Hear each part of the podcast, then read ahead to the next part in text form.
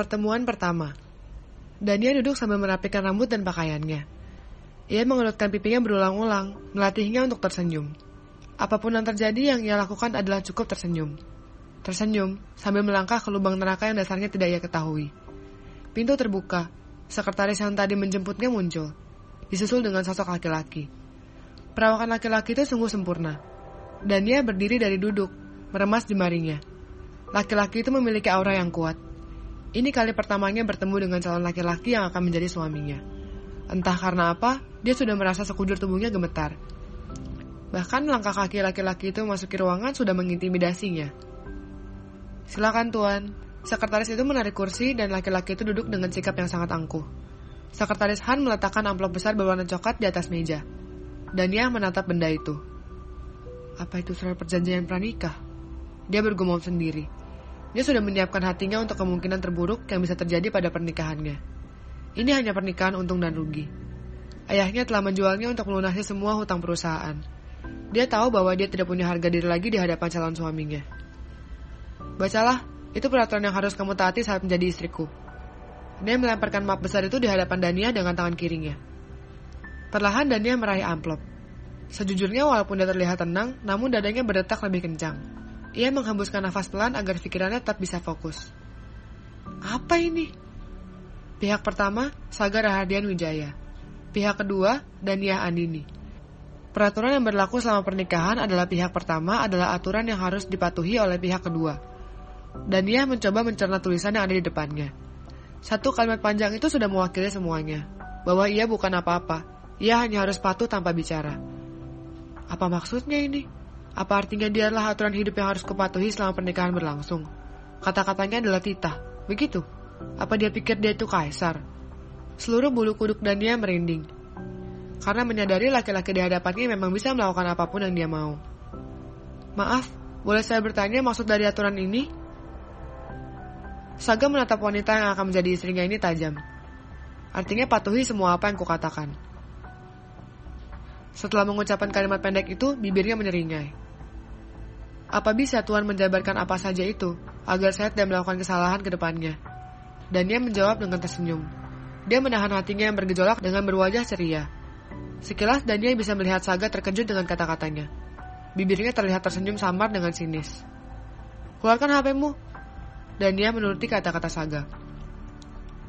Catatlah, peraturan pertama, jangan pernah mencampuri urusan pribadiku. Apa pun itu, termasuk hubunganku dengan wanita lain.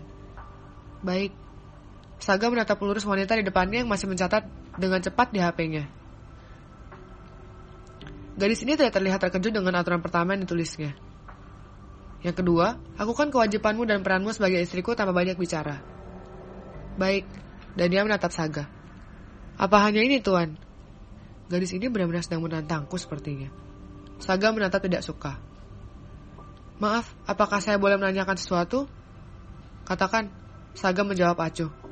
Apa saya bisa tetap melakukan pekerjaan saya seperti biasanya? Aku tidak peduli dengan pekerjaanmu, lakukan sesukamu. Yang harus kamu lakukan adalah menjaga sikapmu di luar sana. Jangan sampai beredar gosip yang bisa menghancurkan nama baikku. Ingatlah, aku bisa membantu keluargamu bertahan hidup.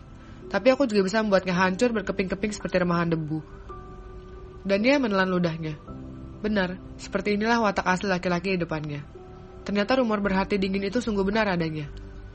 Baik Tuhan, saya akan patuh menjadi istri Anda dan menjalankan semua aturan yang Anda buat.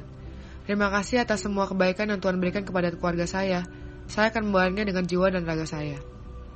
Ya Tuhan, apa yang sudah kau katakan? Aku pasti sudah gila. Bagaimana kata-kata keputusasaanku bisa keluar dengan indah begitu? Sepertinya kau sudah tahu harus melakukan apa. Dania tersenyum. Terima kasih atas pujiannya Tuhan. Siapa yang memujimu? Saga memakai dengan sorot matanya. Aku sedang menghina harga dirimu. Aku tahu kau bahkan tidak punya harga diri. Makanan dan minuman masuk saat pembicaraan mereka telah selesai. Sekretaris Han masuk lalu membisikkan sesuatu di telinga Saga. Setelahnya Saga terlihat sudah tidak akan meneruskan makanannya. Karena melihat Saga bangun dari duduk, dan dia ikut refleks bangun dari kursinya. Anda akan pergi tuan, tidak makan dulu.